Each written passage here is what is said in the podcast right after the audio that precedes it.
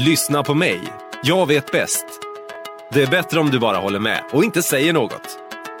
Men jag håller inte med dig. Jag tycker inte som du. Vi välkomnar dig till att säg vad du tycker. Live varje söndag 20.00. Nu sätter vi stopp för monologen och kör stenhårt på dialogen. Säg vad du tycker. En programpunkt hos Aktörspodden. Hallå, hallå Sverige och välkomna till Aktörpodden. Jag heter Johan Mårtensson och vi står ju här på magiska Flora Workspace med massa trevligt, eh, eller miljön är ju trevlig i alla fall. Vi har ju stått där ett par gånger. Eh, jag är inte själv. Eh, vi ska kommer att ha ett kanonavsnitt idag. Jag kommer att vara hur mycket goa frågor som helst. Det kommer bli. Vi kommer få reda på så himla mycket saker. Men jag är inte själv här utan jag har en fantastisk människa här med mig. Vem är detta? Vem är den här personen? Ja, men tack Johan. Eh, Vincent heter jag och det är ju alltid fint att bli beskriven på detta vackra sätt av vackra Johan. Eh, nej, men Vincent heter jag och jag är ju co-host här med Johan i Aktörspodden under rubriken Säg vad du tycker. Och som du sa så står vi här på Flora Workspace i centrala Göteborg och förutom en underbar miljö så har de ju underbar mat och framförallt underbart kaffe. Det är väldigt viktigt när man ska sända här. Men vi kommer ju inte heller vara helt ensamma idag Johan, utan vad är det som kommer hända idag? Idag kommer vi ha en fantastisk gäst som vi ska ta in i sändningen här och jag tror att det är bättre alltid att gäster får presentera sig själv. Så det ska vår härliga gäst få göra. Välkommen till sändningen. Tack så mycket. Så Kristin, innan vi börjar så tänker jag så här att eh, skulle du vilja en kort presentation? Vem är du och vad representerar du? Ja, eh, jag heter Kristin Martra. Eh, jag är eh, undersköterska på Sahlgrenska universitetssjukhuset på Östra tomten. Ehm, jag har min anställning på en akutkirurgisk eh, vårdavdelning just på Östra sjukhuset. Och eh, jag är aktiv i fackförbundet Kommunal och också då eh, ordförande för LO-distriktet i Västsverige sedan tre år tillbaka.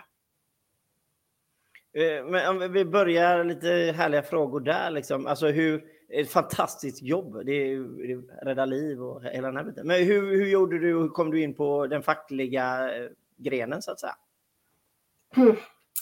Ja, eh, nej men, eh, jag hade ju arbetskamrater på min avdelning som pratade sig varma om facket och hur viktigt det är att eh, man håller ihop för att eh, få bra villkor på sin arbetsplats helt enkelt. Och eh, eh jag blev nyfiken och började gå lite utbildningar så att eh, på den vägen är det. Härligt och jag kan ju konstatera att eh, vi har ju inte suttit allt för långt ifrån varandra då. Jag gjorde, jag gjorde min praktik på växthuset på Östra.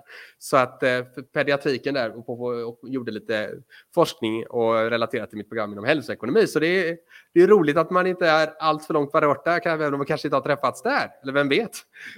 Ja. Eh, men många känner ju till LO. Men vilka är LO och vad är de viktigaste arbetsuppgifterna som LO har? LO är ju en eh, sammanslutning av eh, 14 olika förbund eh, och det är de olika arbetarförbunden som finns i Sverige. Bland annat mitt eget fackförbund Kommunal, men också IF Metall, Byggnads, Elektrikerna, Handels, Seko och så vidare. Vi är 14 förbund och Eh, vi är arbetarförbund helt enkelt. Men okej, okay, men om vi, om vi säger till, eh, när det kommer då till det som du kanske är med om på en daglig basis, om vi börjar där, vad, vad, vad, kan vara ett vanligt ärende som du kommer i kontakt med som du känner det här är bra att jag får veta så att jag får den informationen så jag kan göra någonting med det. Vad, vad är det för vanliga saker som kan komma till dig på en dag? Eh, på LO-distriktet eh, tänker du då? Eller? Jajamän, ja men precis inom fack, fackverksamheten så att säga.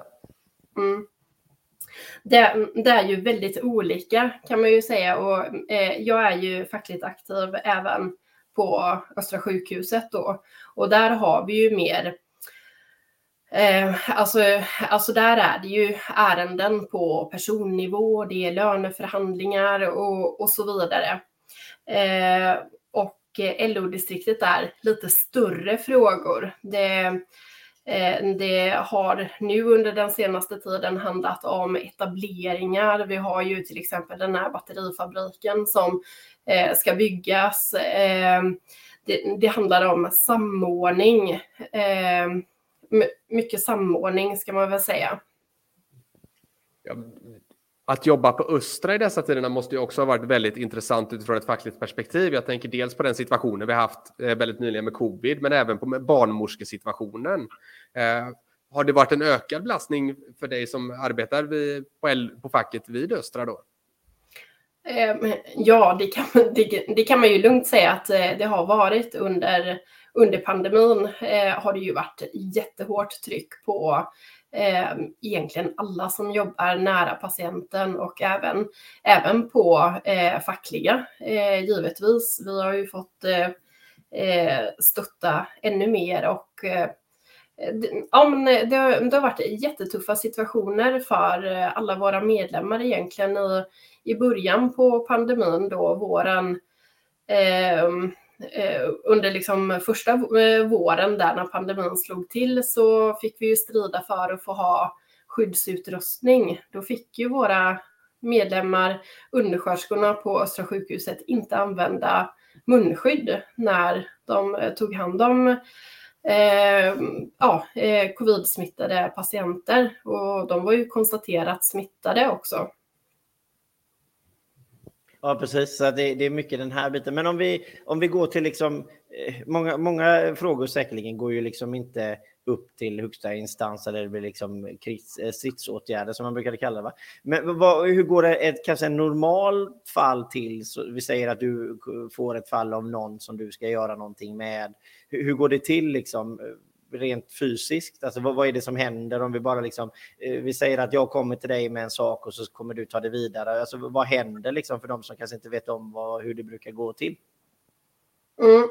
Eh, ja, men om man tar eh, det lokala perspektivet då, när en medlem kontaktar eh, facket så, så frågar man ju egentligen först, har du pratat med din chef?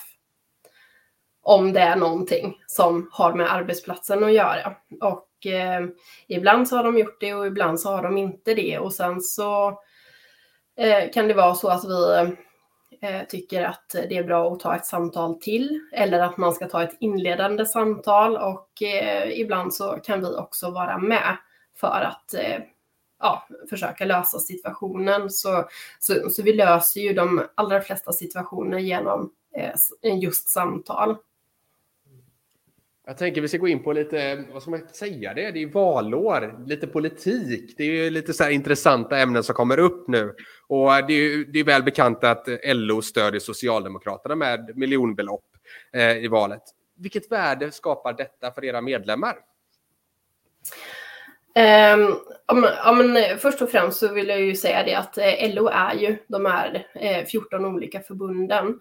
Och eh, i de olika förbunden så har man tagit olika ställning i eh, hur man sponsrar och om man sponsrar Socialdemokraterna och eh, faktiskt de flesta förbunden sponsrar inte Socialdemokraterna med liksom rakt partistöd så. Eh, men däremot så har vi ju en samverkan med Socialdemokraterna och det har vi ju för att vi ska eh, försöka påverka så mycket som möjligt även inom politiken. Det är ju så mycket Eh, med våra jobb som, som, eh, som också är avhängt av eh, politiken. Det är mycket politiska beslut som, som påverkar våran arbetssituation eh, direkt eller indirekt. Så, så ja, det, det är därför vi inom LO-familjen, ska man väl säga, också har tagit eh, ställning för att vi behöver påverka även samhället för att eh, det ska bli så bra som möjligt för våra medlemmar att leva eh, i samhället, men också på arbetsplatsen. Eh, en liten, full, eh, en liten följdfråga där. Eh, alltså, vi säger det här, ett, ett samarbete. Vi, det finns ju alltid ett lokalt och region. Alltså när man pratar politik så finns ju jättemånga olika perspektiv. Om man pratar liksom kommun eller om man pratar riksdag. Men om vi pratar liksom i, i, kommun då kan vi säga, eller vi säger att det är i ditt närområde, så säger vi så att du har hittat en sak som du tycker det här känns inte riktigt bra. Har, har du liksom några vägar där du kan liksom skicka en kontakt vidare då till Socialdemokraterna att du säger nej men det här tycker inte vi är bra, kan ni titta på det här för vi behöver göra någonting. Finns det, finns det liksom någon kontakt, har ni någon kontakt med liksom de som är eh, politiska, politiker då vill säga? Ja, eh, ja men det har vi. Eh, eh, vi. Vi har kontakt eh, egentligen hela tiden och vi ställer också krav. Eh, och där kan jag ju ta ett, ett exempel som hände för ett par veckor sedan eh, ja, eh, regionen, Västra Götalandsregionen, styrs ju av moderater. Eh, och eh, de skulle satsa 133 miljoner på Vårdförbundets grupper, alltså sjuksköterskor, barnmorskor, biomedicinska analytiker och så vidare. Och i det här förslaget så fanns inte våra medlemmar Eh, Eh, inräknade överhuvudtaget. Så då ställde vi krav på eh, Socialdemokraterna i Västra Götalandsregionen och eh, de svarade genom att lägga ett tilläggsyrkande som faktiskt bifölls i regionfullmäktige. Och det betyder ju att även våra medlemmar kommer att få eh, likvärdigt eh, liksom påslag till den totala lönepotten under nästa år. Så att eh, det, det, går att påverka eh, politiken. Mm. Och eh, som du har varit inne på så är ju LO flera olika medlemsfackförbund. Eh, det betyder ju som såklart som du sa att eh, det kan finnas olika åsikter från olika förbund. Man sponsrar olika med pengar till exempel, men olika åsikter också.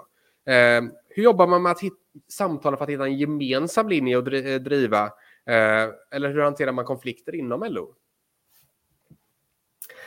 Um, ehm, ja, men eh, vi, vi har ju många frågor som, som vi driver gemensamt. Som vi, vi har ju mycket mer gemensamt med varandra än, än, än liksom olikheter ändå. Eh, och eh, ja, vi, vi driver till exempel många politiska frågor eh, tillsammans.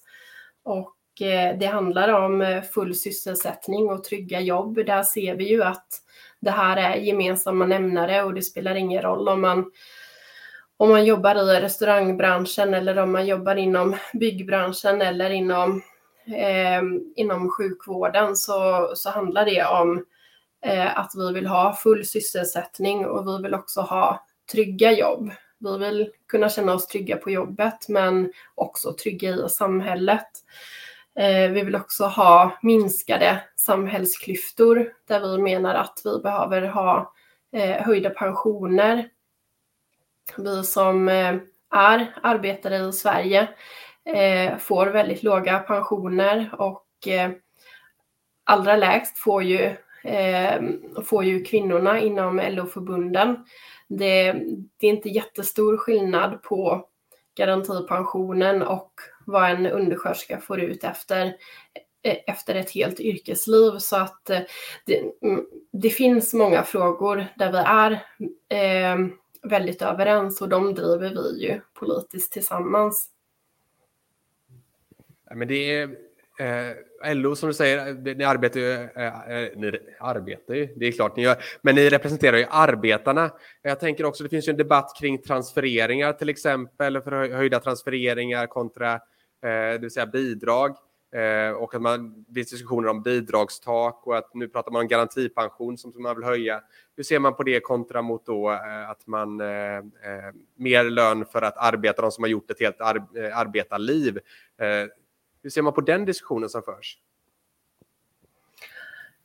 Um, ja, ja, men vi, vi tycker ju att man behöver höja, höja pensionerna och, ehm, och det behöver man ju göra rakt av, speciellt för de som har arbetat ett helt yrkesliv. Men, men det är klart att vi, tycker ju, inte, tycker ju såklart inte att det är bra att, att eh, folk blir eh, fattigpensionärer.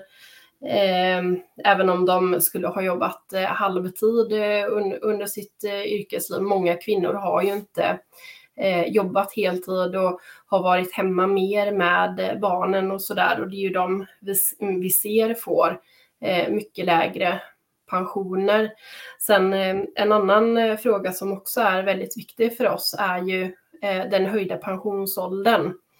Eh, och där säger vi ju väldigt tydligt att eh, vi tycker inte att man ska fortsätta höja eh, pensionsåldern förrän man har fått ordning på arbetsmiljön så att, så att man klarar av att arbeta till pension. Jag tror, jag tror det är en del uträkningar som visar på att liksom eh, snitt LO-arbetaren eh, går i pension vid 61 års ålder eller ja, an, eh, eh, runt där, ni får ta det med en nypa salt. Men, men, och, och det gör man ju för att kroppen inte håller mer. Det gör man ju inte för att man vill gå i pension utan det gör man ju för att man inte klarar av att jobba mer för att det är så eh, tunga yrken. Mm. Och vi ska hoppa från pensionen till någonting som säkerligen många tycker det kommer vara intressant att lyssna på. Det är ju när det blir stridsåtgärder. När det blir de här liksom riktiga konflikterna mellan arbetsgivarorganisationerna eh, till exempel och, och eh, fackförbunden. Då liksom. vad, vad händer då? Alltså vad är det som gör det vanligaste att det går liksom så långt att det till liksom, liksom kanske blir strejk? Eller vad, vad, är det, vad är det som brukar Finns det något som brukar göra att det går i strejk? Liksom? Mm. Eh, vi har ju egentligen väldigt eh, lite konflikter eh, på svensk arbetsmarknad.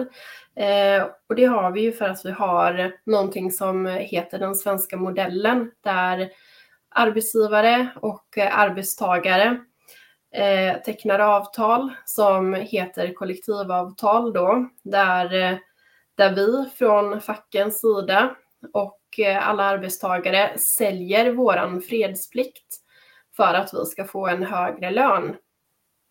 Och eh, ja, oftast kanske lite OB-ersättningar om vi eh, arbetar på kvällen och helgen och, och lite semesterdagar och så vidare då. Eh, så, så det är ju egentligen inte förrän de här avtalen går ut som, eh, och när vi ska teckna nya avtal, alltså när vi inte har något avtal, då har vi endast möjlighet att gå ut i strejk. Och det är ju liksom sista utvägen. Först och främst så försöker man ju förhandla och det gör man under väldigt lång tid. Eh, och man försöker eh, komma överens om villkoren i kollektivavtalet och också om lönenivåer. Eh, och, och, det är ju ofta där man då kanske inte kommer överens i, inom vissa branscher och då, eh, ja, till slut så blir man ju liksom tungen från fackens sida att, eh, att eh, lägga ett varsel om eh, Först brukar man, eh, brukar man sätta en eh, övertidsblockad och en nyanställningsblockad för att göra det jobbigt för arbetsgivarna. Och liksom i sista skedet egentligen så eh, plockar man ut arbetstagare i strejk. Och då tänker jag ju lite till din bakgrund då inom vården. Där ser vi ju att vi har en väldigt underbetalning om man jämför med hur många år man lägger på studier. Jämför med våra grannländer, Finland, Norge, Danmark, så ser vi att läkare och sjukvårdspersonal känner ju inte närheten av vad man gör i länderna bredvid oss. Eh, mm.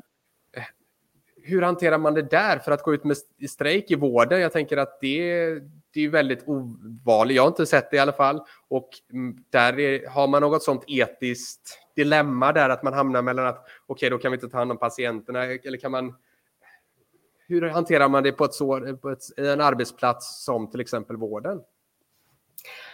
Um, Ja men, eh, ja, men det är klart att eh, det är mycket svårare att eh, gå i, i konflikt när man arbetar inom vården. För att i en konflikt så behöver man, man behöver, och, och speciellt som eh, kommunalare när man jobbar inom sjukvården, äldreomsorgen, barnomsorgen, så behöver man ju få allmänheten med sig, alltså på de här kraven egentligen, på att sätta den pressen. För att våra arbetsgivare är ju eh, eh, våra högsta arbetsgivare är ju politiker.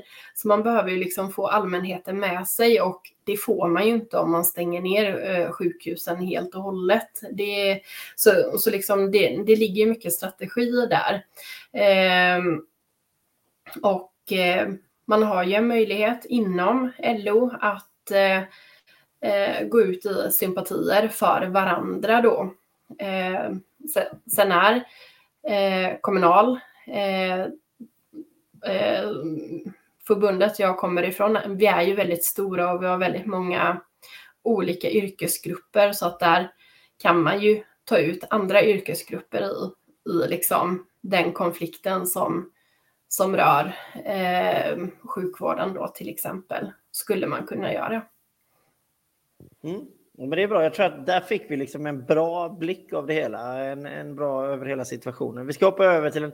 Alltså vi går från heta frågor till... Alltså det finns det, det vi har bara heta frågor det känns det som. Men vi fortsätter med en som är väldigt het. Som var väldigt nyligen. Det är ju det här, eller jag vet inte om den är het, men media pratar väldigt, väldigt mycket om den i alla fall. Jag vet inte vad ni själva tycker. Men det är just det här med att eh, de som är med i LO är ju mer och mer det är olika partier som man, man röstar på. Socialdemokraterna är säkerligen fortfarande störst. Jag vet inte, nu gissar jag lite. Eh, men Sverigedemokraterna har blivit lite större. Och, har man någon åsikt om det överhuvudtaget när man liksom är med i LO? Eh, om, om man har en åsikt om eh, vad medlemmarna röstar på? Ja, eh, nej, nej, nej, det har vi inte, utan man får, man får ju rösta som man vill. Eh, det får man ju göra. Däremot så ser vi ju liksom vilken politik som gynnar oss.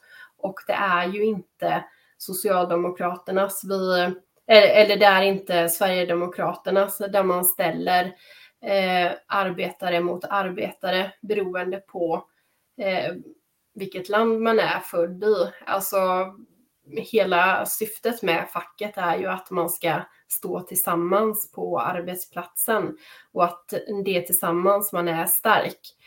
Och där, där ställer man inte medlemmar emot varandra. Så, så det, det är väldigt viktigt för oss. Och kopplat då till den heterogena eh, medlemsbasen som man ändå har där, där, vi har, där man har fått fler och fler, till exempel Sverigedemokrater, men även att man fått en mer splittring på partierna än till exempel i, när vi hade, om vi går tillbaka riktigt långt till tvångsanslutningen och så vidare, då var ju siffrorna väldigt höga. Eh, men man har ju också valt att utesluta olika eh, SD-politiker från eh, förbundet. Eh, hur kommer det sig? Är, är det på liknande resonemang som man har använt då? Um, nej men, uh, jag, tror, jag tror ni syftar på det här med IF Metall, uh, eller? Den här ja. klubbordförande och uh, den, den, personen har inte blivit utesluten, vad jag vet i alla fall, utan har inte kunnat företräda IF Metall. och och det, det är ju en skillnad på om man ska kunna vara företrädare för, för någonting då, då behöver man ju också ställa upp på de stadgarna som finns och liksom ställa upp på eh, egentligen portalparagrafen, det som är det viktigaste för fackförbundet och det är att, eh, att inte ställa människor emot varandra.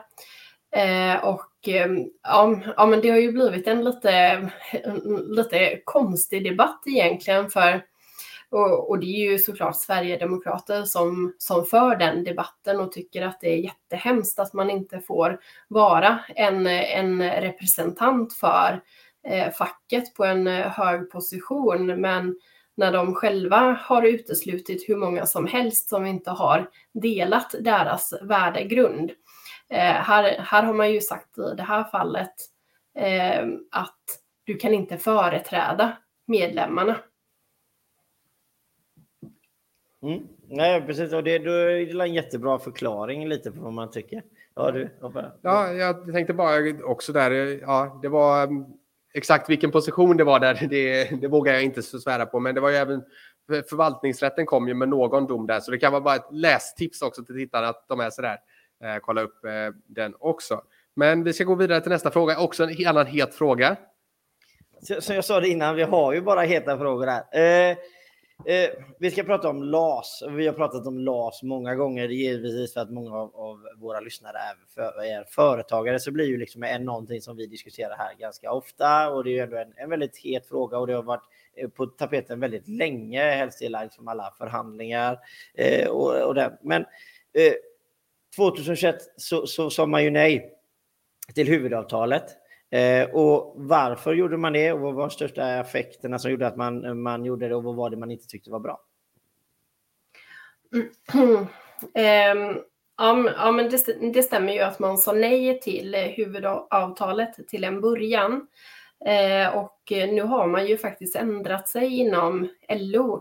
Så LO har skrivit på ett huvudavtal eh, och det har man ju gjort av den anledningen att eh, IF Metall och Kommunal inte ska behöva liksom hänga på tjänstemännens avtal eh, egentligen, utan då, då är det LO som har det avtalet och eh, där fler eh, av eh, LOs förbund som har valt att eh, gå med. Jag, jag vågar inte svara på exakt eh, vilka alla, men majoriteten har gått med i det här eh, LAS-avtalet.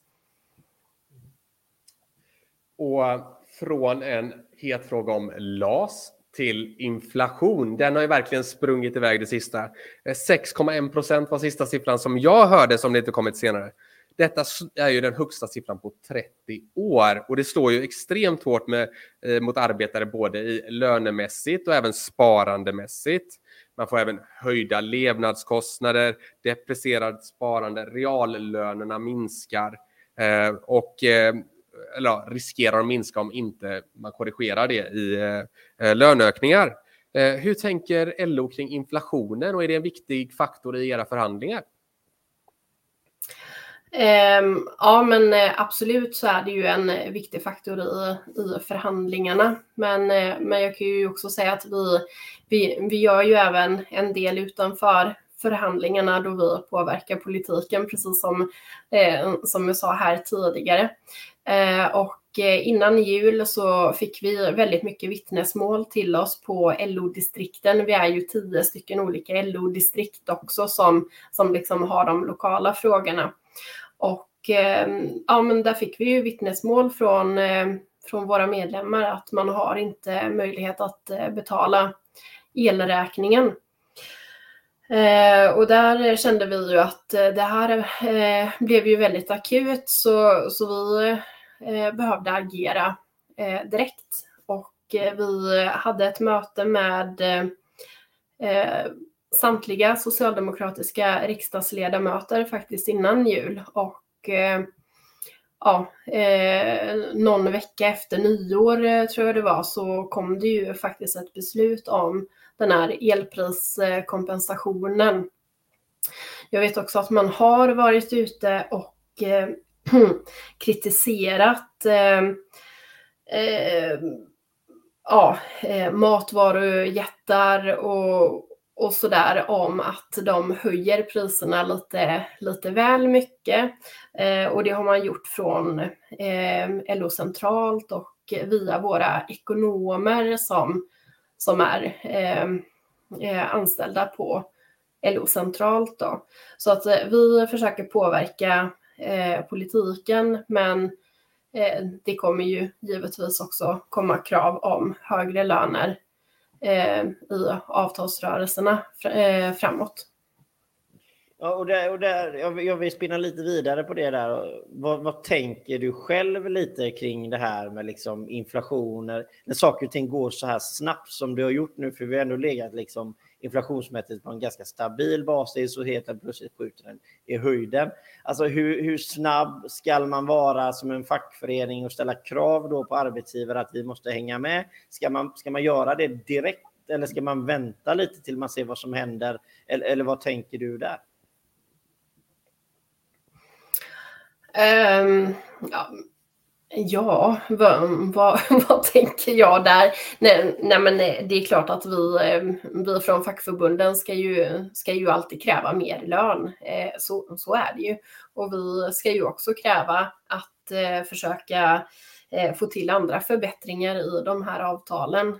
Och jämställda löner är ju också någonting som, som vi brukar ställa krav på.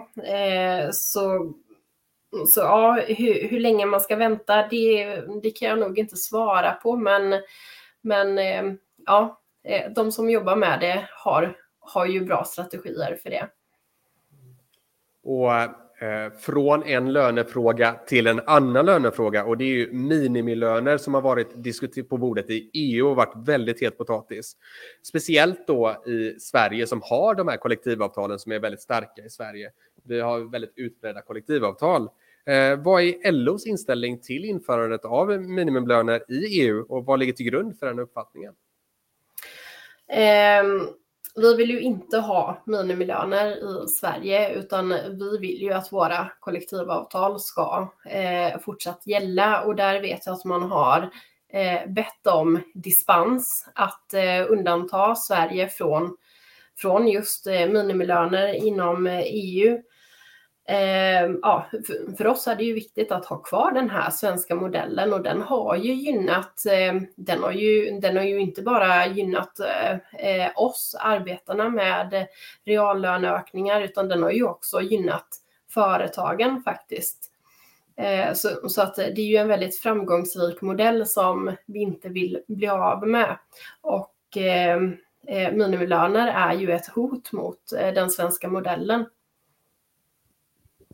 Och alltså, det, vi får ju så många härliga segways. Liksom. Vi går från minimilöner, vi går från inflation och så går vi underbart segway till just eh, det här med arbetskraft. Alltså, I Sverige så har vi ju eh, brist på arbetskraft i, i väldigt många sektorer och vi har ju kanske missanpassning, kanske marknaden, hur man ska hitta ett jobb. Man kanske inte, det kanske är rätt utbildningar, men det är ju någonting som gör att vi har en arbetskraft men vi, och, och, och som kan jobba. Eh, vi har arbetsmöjligheter, men de funkar liksom inte ihop. Vad, vad tycker LO att man ska göra för liksom att mer människor ska, ska få ett jobb? Ja, men man måste ju utbilda människor. Eh, det är ju det man måste göra eh, till bristyrken och man måste också eh, stoppa arbetskraftsinvandringen till eh, till yrken där det inte är brist. Alltså vi, kan, eh, e-, vi ska egentligen bara ha en arbetskraftsinvandring till yrken där det finns en riktig brist. Eh, men eh, utbildning, utbildning, utbildning, kompetensutveckling. Det, det är det man behöver. Ja, stora utbildningsinsatser.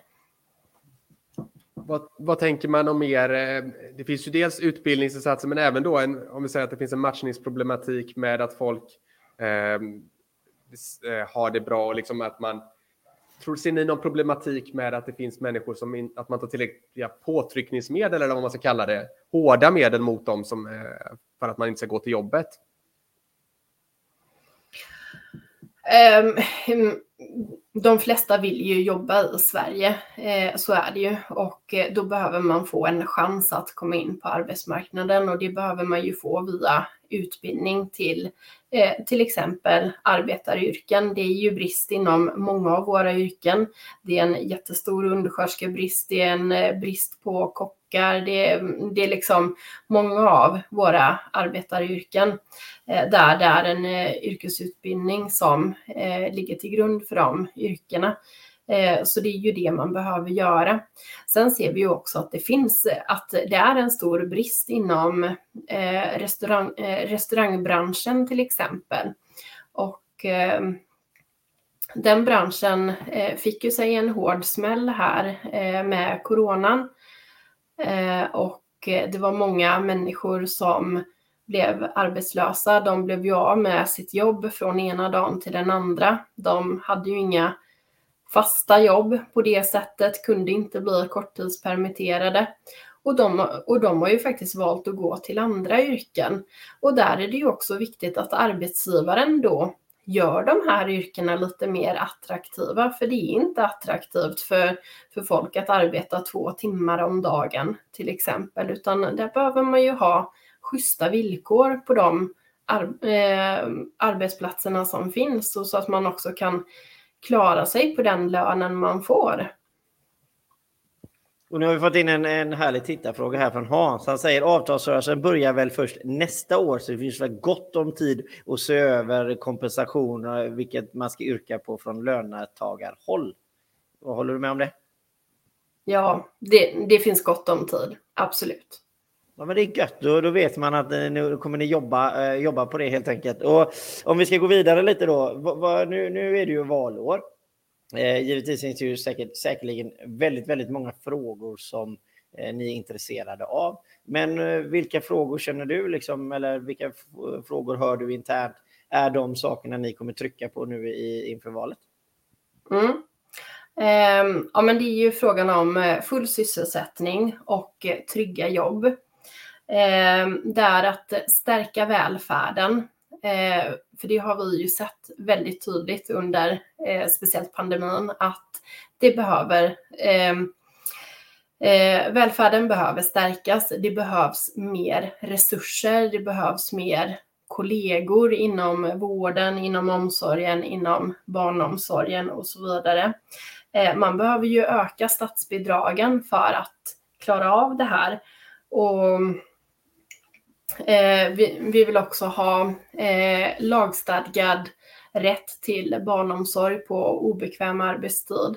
Eh, väldigt många av våra medlemmar jobbar ju inte eh, måndag till fredag och eh, vad är det, 7 till 16 eller 17 utan jobbar ju skift och eh, så. Eh, vi kommer ställa krav på minskade samhällsklyftor där vi kräver en ökad pension för eh, personer som har arbetat ett helt yrkesliv.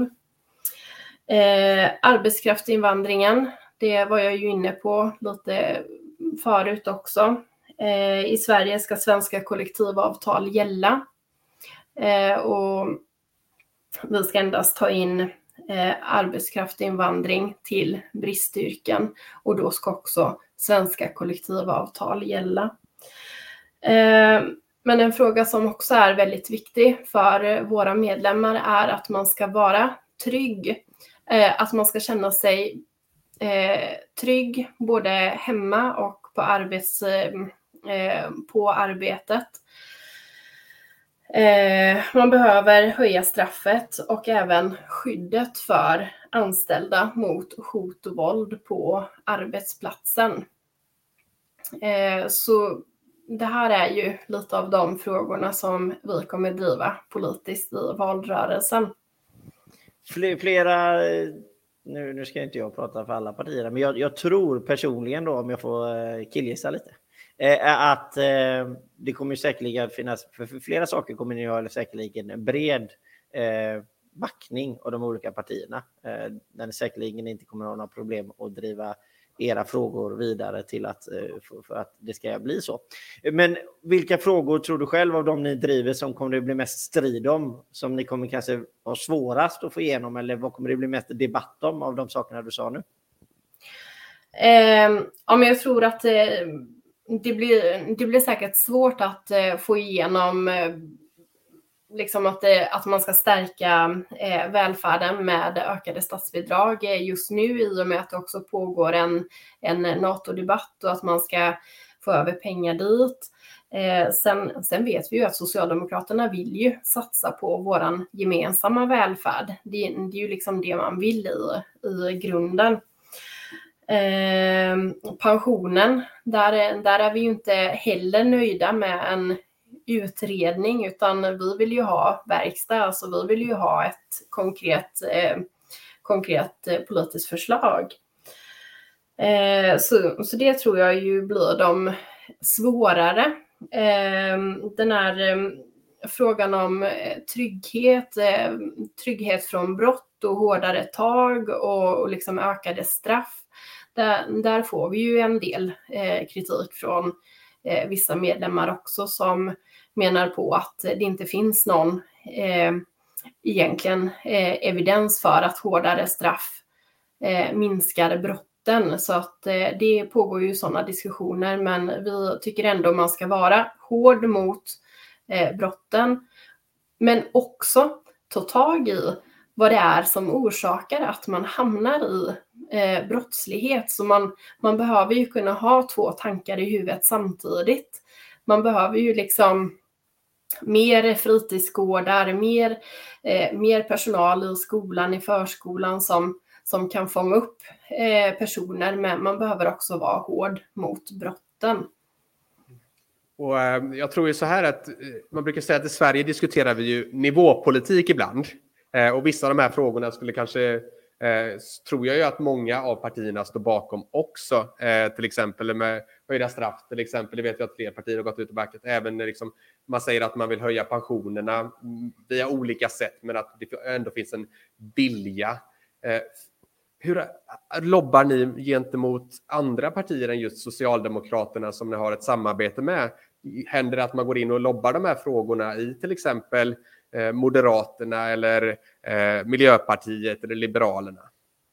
Eh, nu kan jag ju inte svara för hur man gör liksom med eh, rikspolitiken så, men, men mm, det är klart att eh, LO eh, jobbar ju, alltså vi jobbar ju för våra medlemmar. Vi har en samverkan med Socialdemokraterna som är väldigt stark, men vi jobbar ju också med att påverka andra partier och deras eh, politiska ställningstagande. Så det är klart att vi pratar också med andra partier. Ja, men det, det, det är ju bra så att säga. Men just då när det kommer då till, vi pratade lite kommunalt då, så, så pratade vi lite, eller du förut lite att ni hade liksom lite samarbete med att kunna få ut ordet till när ni väl är, ser att någonting inte är som ni vill. Och så har ni kanaler då till Socialdemokraterna. Men, men hur är det då till exempel om i, i kommunalt? Har, har ni kontaktnät liksom in till de andra också då? Om det är en kommunal fråga och ingen riksfråga? Ja, ja men det har vi. Eh, det har vi. Vi eh, ja, vi, vi har ju haft möten egentligen med, om man, om man tar min arbetsplats, vi har haft möten med hela Salgrenska styrelse vid, vid ett flertal eh, tillfällen. Eh, så, så ja, visst förekommer det att vi har eh, kontakter med ehm, samtliga parti, partier. Eh, arbetskraftsinvandringen var ju en sån sak som du lyfte som en fråga som eh, som är extra viktig för LO också. Finns det några hinder, jag tänker med fri rörlighet och sånt i EU, eller är det, eh, finns det reella lösningar som man har som förslag från LO som man skulle kunna göra eh, verkstad idag, så att säga, eller behöver man eh, beakta de eh, avtal som finns i EU, eller hur, vad är det man vill göra på den fronten? Lite mer konkret tänker jag att jag ställer frågan. Nej men, eh, nej men där vill vi ju att, eh, att eh, politiken tydligt liksom eh, säger att och, och riktar in arbetskraftsinvandringen till just endast eh, bristyrken för att för, eh, för med den här okontrollerade arbetskraftsinvandringen så hamnar ju också folk i eh, ja, eh, människor blir väldigt utnyttjade. Eh, Byggnads har ju vittnat om att Ehm, att det sover byggnadsarbetare ute i bodar och så vidare. Vi, vi kan liksom inte ha det på det här okontrollerade sättet utan de, de personer som kommer till Sverige för att arbeta måste ju göra det under kontrollerade former. Eh, de måste komma till arbeten där man har kollektivavtal, där det är ordning och reda och, och liksom inte bli använda egentligen som slavar i Sverige av oseriösa arbetsgivare. Så eh, bara för att tolka in, eh, det är mer kontrollmekanismer som man vill bygga in i arbetskraftsinvandringen för att se till att eh, ar arbetskraftsinvandringen fungerar bättre, som är en av de stora poängerna. Absolut, och mycket mer myndighetssamverkan också det, det är ju också någonting som, som, som vi tycker att man eh, behöver ha för att komma till rätta med arbetskraftsinvandringen. Och då vill jag fråga liksom egentligen en fråga som är lite mer specifikt mot dig. Vi har, vi har lite LO-frågor kvar, så här. men jag skulle vilja fråga lite eh, just till din roll då. Så pratar man ju valet nu, det är ju hett, så det vill jag dra upp lite. Men vi pratar regionvalet. I SVT så gick man ju ut ganska tydligt med och visade att de olika politikerna inte kunde ens säga vilken budget som var vilken budget för att de var så snarlika. Och då undrar jag, liksom, du som jobbar inom sjukvården där de som ansvarar över sjukvården är just regionen. Är det för lite fokus från allmänheten på regionvalet? Är regionvalet inte tillräckligt ifrågasatt av allmänheten? Eller har du någon känsla där? Um, ja, men, uh, ja, men jag håller med. Uh, jag tycker att man behöver sätta ljus jättemycket mer på regionvalet för att uh, en, en, av de vikt, en av de viktigaste frågorna för eh, svenska invånare är ju sjukvården och att sjukvården ska fungera.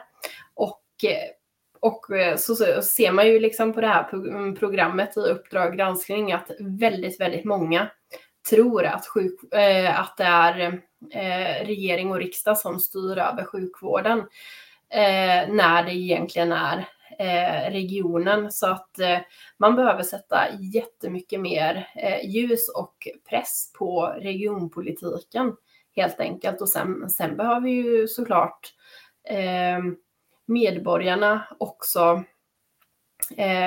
få en större kunskap om, om, om liksom ja, eh, vilka som styr på de olika ställena. Att, att det kan vara eh, en konstellation som styr i en kommun och det kan vara en helt annan i en region och så kan det vara en tredje på eh, riksplanet. Men... Eh, ja, ursäkta att jag avbröt där. Eh, jag trodde du var klar där, men kör, kör vidare.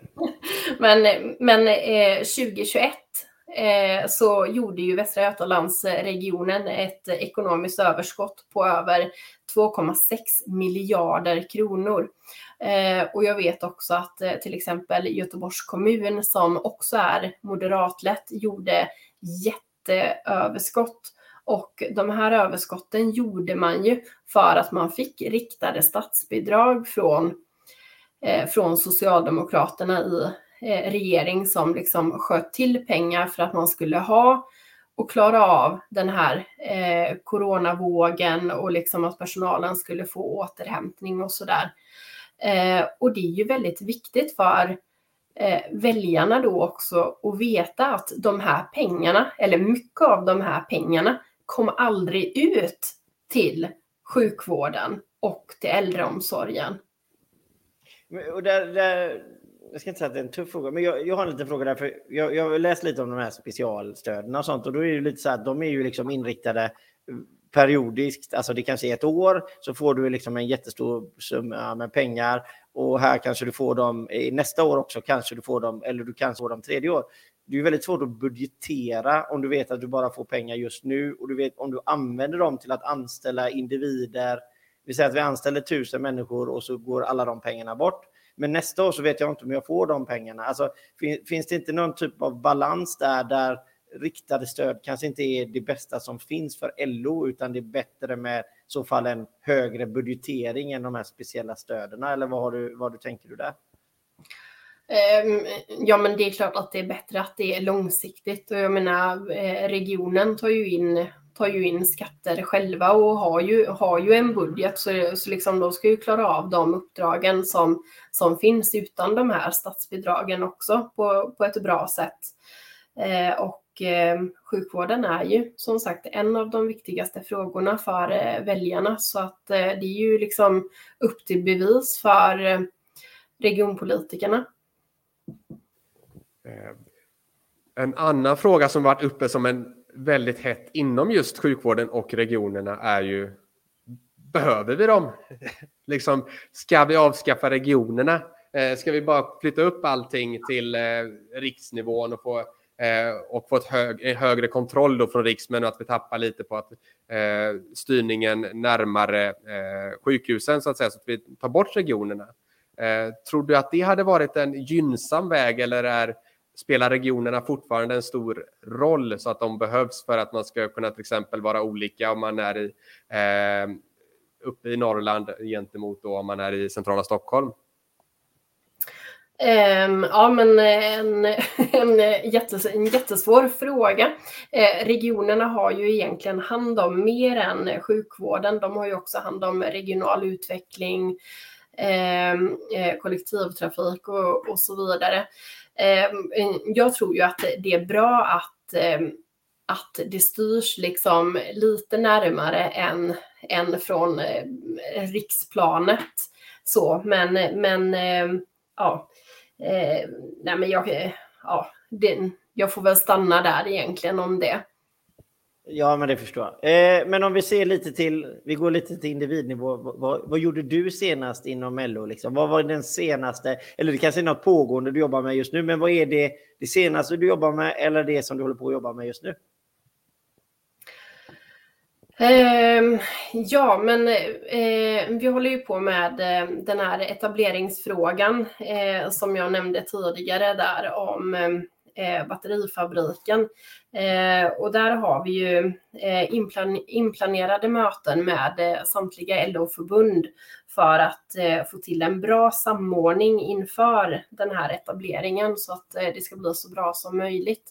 Så det är väl det som är i pipeline. Sen, sen hade vi årsmöte i förra veckan och det är klart att det är mycket förberedelser och sådär inför, inför en sån tillställning också det är, alltså, tillställningar är alltid trevliga, men det krävs alltid lite jobb med dem.